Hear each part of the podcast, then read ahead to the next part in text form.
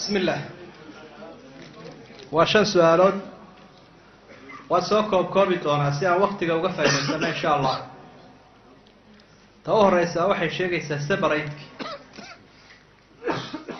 fadhi aan fadhiisto oon separateka lay weydiini ma jiro. Waxaynu odhan karnaa waa silic iyo darxumo qiil loo doonayo.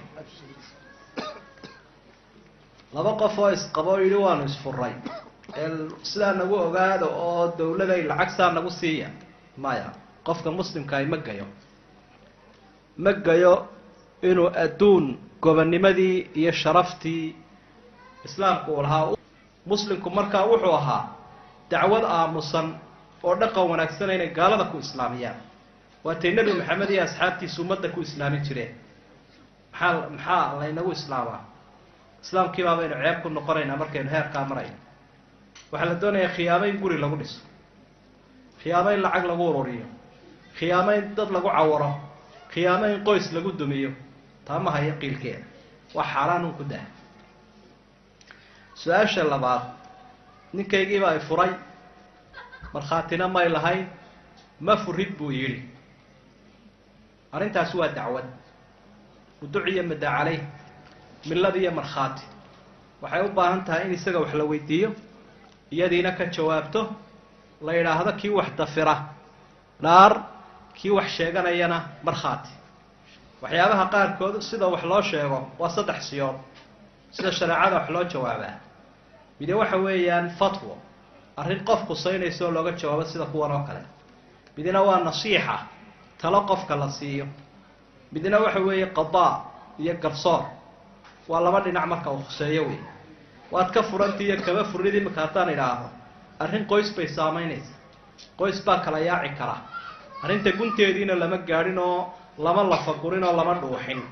Marka waxaynu ku talinaynaa masaajidka aada joogto hadduu kan yahayna isaga kaalay culimo ku filan baa kuu jawaabayo oo labadiinaba idin dhegaysan hadduu meel kale yahayna culimada joogtawta su'aasha saddexaad.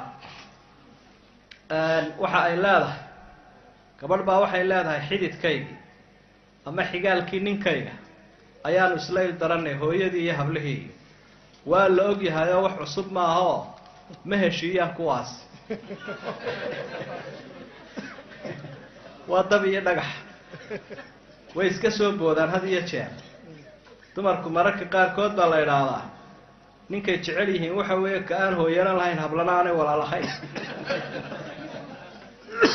meerna cidlay ka helaysaa kaasoo isagun bay ku qabowsanaysaa waaya marka inta faraha badan dabeecadaha dadku way sii kala adadag yihiine dadku markay sii dabeecad adag yihiin xurguftaasina ay timaado hawsheeda iska laada iyaguna waxay dareensan yihiin inankoodii ay dhaleen ay soo wateen inay iyadu ka dhex toostoy dhexda ku maratay. Ayay dareensan yihiin. Iyaduna ninkeedii ilaahay u soo diyaariya raaxada ay la qaadan lahayd inay ku kala dhex jiraan ayay dareensan ayay iyana dareensantay waa kaaf iyo kala dheeri iyo isla yaab iyo isla diid. Culamaau tarbiya way ka warramaan. Culimada tarbiyadu markay ka warramayaan iyo ijtimaaciyiintu usrooyinku see wada noolanayaan waxay tilmaamaan dadka caa-ilada inaan isku guri la dejinin waxna la isugu darin duruuf adag oo keenta mooyaane. Haddaad kala warwareejin karto hooyo iyo hablaha dhinac deji ooridana dhinac deji weligoodba ha ku yidhaahdaan war isku dheri baanu noqonaynaa. Oo isku guri baanu noqonaynaa dhaqaaluhu haynoo kordhee maya unbaad leedahay. Maya isku gurina noqon maysaa isku dherina noqon maysaa raalli ahaada. Waxaa la yidhaahdaa zur qibban tasdad xubban. Marmar soo booqo kalgacal baa kuu kordhiyay dumarkiiyo maatidu waxay isjecel yihiin intaa aan waxba isugu jirin. Marse haddii wax la isugu daro waa kuwa isku qarxay oo halkan maxaad u masixi weyda iyo fujaanka xal baa la isku qabsanaya. Marka waxaynu ku soo ururinaynaa nin baa shalaytadani weydiinayay afar iyo labaatan saacadood ka hor. Ayaa wuxuu lahaa hooyada iyo xaaskii baan kala kari waayey waxaan go'aansaday inaan xaaska furo maadaama iyadoo carruur toddoba ana ileh markaa waxaan ku ihi ha furine dee iyadiina carruur bay ku leedo iyaguna way dayacmayaano hooyana raali geli xaaskana meel gooniya deji.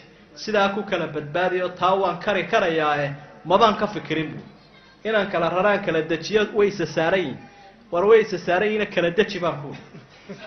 Marka kala dejintaa kumabaan fikirina khayr allaha ku siiye bal iminkaan kala furdaaminayaa buuli marka taladaasaynu iyadana siinaynaa waxaynu leenahay u sabir. Ninka hooyadii ninkan wanaagsaneed u hamootay gabadhay hooyadana heerkaa soo gaadhsiisay bal markaa u sabir oo wax sii oo si wanaagsan ula dhaqan mucaamalo wanaagsan. Alxuru yustacbadu bilixsaan baa laydhaha qofka xortaa samafal baa lagu addoonsadaa marka ninka xuquuqdu kugu leeyahay waxaa ka mid a inaad xigtadiisa xidhiidhiso u sabir intaad kari karto.